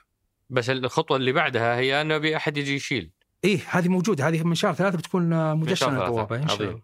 هذا واحد يقول استعرضت كتاب قبل خمس سنوات من المكتبة العامة بالخرج إيه. وأعطوني مدة أسبوعين لإرجاعها وأخذوا رقمي ولما انتهيت من الكتب ورحت المكتبه أرجعها لقيتها مغلقة آه وهذه أمانة أبغى أبغى أسلمها الله يجزاك خير على أمانتك أه، بس طبعا هذه شكلها من ضمن المك- الثمانين اللي اي بالعكس قفلتوها آه، وش وشلون وين نروح؟ بالعكس آه، أول شيء الله يعطيه العافية ويعني آه، أنا أعتقد انه يراسل الهيئة والهيئة يعني تعالج الموضوع. وشلون وش وسيلة المراسلة؟ موجود في آه، حساباتنا على آه، التواصل الاجتماعي وموجودة أيضا على موقع الهيئة البريد الإلكتروني الخاص فينا. أه واحد يقول وش دوركم في تعزيز ثقافة القراءة؟ آه، هذا هذا كل شغلنا لتعزيز العادات القراءيه، كل الشغل اللي تكلمنا عنه قبل شوي وكل نجعلها المشاريع عادة جاذبة. هي كلها تصب في اللي هو تعزيز العادات القراءيه، لأنه أحد ال ال ال ال ال يعني أحد اختصاصات هيئة المكتبات النص عليها قرار إنشاء الهيئة اللي هو تعزيز العادات القرائية. أه في سؤال لطيف صراحة على وش اللي يجعل مثلا دول زي أمريكا ولا اليابان تلاقي فيها الناس في الأماكن العامة ماسك كتابة في المترو في القطار في الباصات بينما مثلا في في العالم العربي أو في السعودية بما أننا في السياق السعودي ما تلاقي مثلا المشاهد، وش السبب؟ آه أو وش التفسير؟ إي لا التفسير ببساطة إنه قضية آه، السياقات الخاصة ب ب ب بالمشاريع التوعوية، يعني اليوم خلينا نتكلم على تجربة الآن موجودة عندنا في السعودية. إلى وقت قريب من كان يتوقع أنك بتدخل مطعم بتشوف السعرات الحرارية كم؟ ما كانت موجودة. صح اليوم مع يعني مجهودات وزارة الصحة ورفع مستوى ال- الوعي ال- ال- الصحي آه لا صار في في اختلاف في طريقة التفكير، اليوم إن, إن هذا اللي نتمناه. إن نتمنى إن نوصل إلى إلى مرحلة إن القراءة تكون آه يعني ثقافة موجودة. سواء كانت القراءة للمتعة، القراءة للتعلم وتطوير الذات، القراءة للاستكشاف، وهذه بإذن الله تعالى راح تنطلق آه مع انطلاق اللي هو المشاريع الهيئة. ولكن أنا أعتقد إنه مشاريع آه، أو رؤية المملكة هي الوقود وهي المحرك الأساسي لهذه الثقافة. آه في سؤال هنا لطيف أتوقع إحنا جاوبنا عنه بس لأنه السائل يعني يبدو لي تجربته رهيبة. يقول أقضي ثلاث ساعات على الأقل يوميا بين الكتب قرأت أكثر من ألف كتاب أزور المكتبات العامة والتجاريه في الرياض. لذلك شهادتي إن شاء الله إنها في محلها وأؤكد لك إنه أفضل مكان للقراءه هي المقاهي وليس المكتبات. المكتبات سيئة قليلة متباعدة ضعيفة غير فقر الكتب والأنشطة اللي موجودة فيها. فهذا واحد من أهم عملائكم صحيح وما هو قاعد يجيكم الوصف اللي وصفته في البيوت الثقافية بيجي آه إن شاء الله تعالى إنه بيكون جاذب له بس زي ما قال لك التصاميم برضو إن شاء الله أكيد تبدون تبدعون يعني شوف. ترى هو أشار لنقطة جدا مهمة في قضية اللي هو ال- ال- الكتب. آه وهذه أخذناها في الاعتبار في قضية بناء المجموعات، اليوم المجموعات الموجودة في عهد الرفيده الوضع الطبيعي إنها تختلف عن المجموعات الموجودة في الدمام، تختلف عنها الموجودة في الرياض. صح بما يناسب ال... بما يناسب آه، التوجهات الم- الموجودة، فاليوم بدأنا بأعداد بسيطة في المكتبات، يعني ما بدأنا بأرقام ضخمة، يمكن المكتبات تستوعب إلى خمسين ألف عنوان، اليوم إن بدأنا تقريبا ب 7000 اللي هي العناوين الرئيسية بناء على توصيات وبناء على دراسة السوق وأعلى الكتب مبيعا. من منطلق إنها كائن ينمو. كائن ينمو فبالتالي نتوقع إن خلال الفترة القادمة إن ان شاء الله نلبي احتياجات ال- ال- القراء من آه، مختلف يعني ال- الفروع المعرفة أنا بختم بناصر بسؤال على آه الفرق بين مرحلتين أنت كنت جزء من آه وكالة الثقافة صحيح المعنية بالمكتبات قبل الرؤيه وأنت اليوم تقود هيئة المكتبات بشكلها الجديد بعد الرؤيه. وش الفرق بين المرحلتين؟ وش المشروع اللي كنت تحلم فيه في ذيك المرحلة وما قدرت تحققه إلا في هالمرحلة؟ آه، أوكي. طيب آه، شوف يمكن أقول لك شغلة يمكن تتفاجئ منها. مشروع تطوير المكتبات العامة آه، اشتغلت عليه 2017 فيما كنت في ال- الوزارة. اللي هي وزارة الإعلام. وزارة الثقافة والإعلام. وكان يعني بحسب الإمكانيات الم- المتاحة وكنت يعني طلبت ميزانية 12 مليون ريال. كويس لإجراء بعض الأشياء ال- ال- البسيطة. آه وكان يعني هو من ضمن الأشياء اللي أنا يعني فعلا كنت مركز كل جهدي في ذيك الفترة على على موضوع المكتبات لأني يعني مؤمن إنه راح يحدث نقلة كبيرة في فيما يتعلق ب ب آه، بجوده حياة وبتنميه القدرات البشرية. لحسن الحظ إني لما آه، جيت لوزارة الثقافة طبعا أنا جيت وزاره الثقافة كمدير معرض الرياض الدولي لكتاب 2020 أنا ما جيت كرئيس تنفيذي. فكان من ضمن الأوراق أو من ضمن النقل الاختصاصي اللي هو الملفات اللي اللي اللي نقلت للوزارة فلما اطلعت عليها يعني جددت الذكريات. جدت الذكريات طبعا لم يعتمد المشروع هذاك آه ما أعتمد لكنها أدخلت من لأنه يمثل 80% من ميزانية كل قطاع الثقافة. اي بس كان ترى على عدد محدد يعني ما كان على المكتبات كلها إي آه لكنه كان له تأثير في قضية اللي هو إدراج ال- ال- المكتبات الثقافه ال- sorry إدراج ال- المكتبات العامة ضمن مشاريع آه، برنامج جوده الحياة كان له له يعني له علاقة يعني كبيرة إنه أدرج ال- ال- المكتبات من ضمن البرنامج. لهذا لما تشوف برنامج جودة الحياة في section خاص بالمكتبات العامة. اليوم الوضع مختلف تماما. آه، أول شيء آه، أنت آه، يعني جزء من من من استراتيجية وطنية للثقافة. الاستراتيجية هذه مبنية على رؤية المملكة 2030 تطلعات الناس اختلفت. الظروف اختلفت. التشريعات والأنظمة اختلفت. يعني 2017 ما كان فيه برنامج جوده حياة ما كان فيه برنامج تنمية القدرات البشرية كل هذه ما كانت موجودة. فلا اليوم ال- ال- العمل أصبح يعني أكثر متعة وأصعب شوي. لكن إن شاء الله قادرين. لأن ما عاد لكم عذر. ما عندنا أول ما. في ممكنات فيعني يعني لكن اليوم كل ما كانت موجودة. أنا أذكر أحد الأشخاص مرة و... يعني سوينا استطلاع عن المكتبات. فكان من ضمن الردود اللي اللي وصلت آه ان كاتبين في ضمن السؤال إن شاء الله هذه راح تتحقق وكذا. فكاتب تحت الوعد 2020 يعني كنا نقول كنا نقول 2020 قبل طبعا انشاء وزاره الثقافة. ففعليا لما رجعت لقيته كاتب 2020 فعلا الهم يعني ال- المسؤولية تكون مضاعفة إنه كيف نقدر آه، نقدم. لأنه في الأخير اليوم عندك آه، فرصة. آه، اعطيته هذا خلينا نسميها ال 16 هدية اللي واحد اللي ال- هدايا. القطاع الثقافي. ودعمت بكل قوة ماليا اداريا فما في عذر إنك ما تقدم. آه، فنأمل إن شاء الله أن نحقق المستهدف وان يعني تجربة احد رفيده أنها تكون تتكرر في جميع آه، المكتبات العامة وبيوت الثقافة إن شاء الله راح تفتتحها. يعني خلينا نختم بهالسؤال كيف نقيس نجاحكم؟ متى بنقول الهيئة نجحت؟ آه، في أكثر من مؤشر. آه، أول حاجة طبعا عدد الزيارات بالنسبة للمكتبات هذا مؤشر يعني مهم جدا. آه، الشيء الثاني اللي هو حركة تداول اوعيه المعلومات معدلات الإعارة ترتفع. أيضا أنا أعتقد أن لنا دور مهم في قضية اللي هو تحسين العادات القرائية. وإن طلبنا الآن عندنا مشروع في عهد الفيده نبغى نسوي دراسة قبلية عن ال- الأطفال في عهد الفيده وبعد سنة نجي نقيس. مستوى آه، القراءة عند الأطفال. فهذه هي المؤشرات اللي اللي راح يعني آه، تحكمنا. طبعا بالإضافة إلى المؤشرات التشغيلية الثانية اللي هو قضية اللي هو تعزيز إيرادات البيوت الثقافة آه، التمويل مصادر التمويل وغيرها. لكن ال- ال- ال- الزيارات والفعالي الفعاليات كم عدد الأشخاص اللي تستهويهم فعاليات هيئة المكتبات خاصة الموجهة.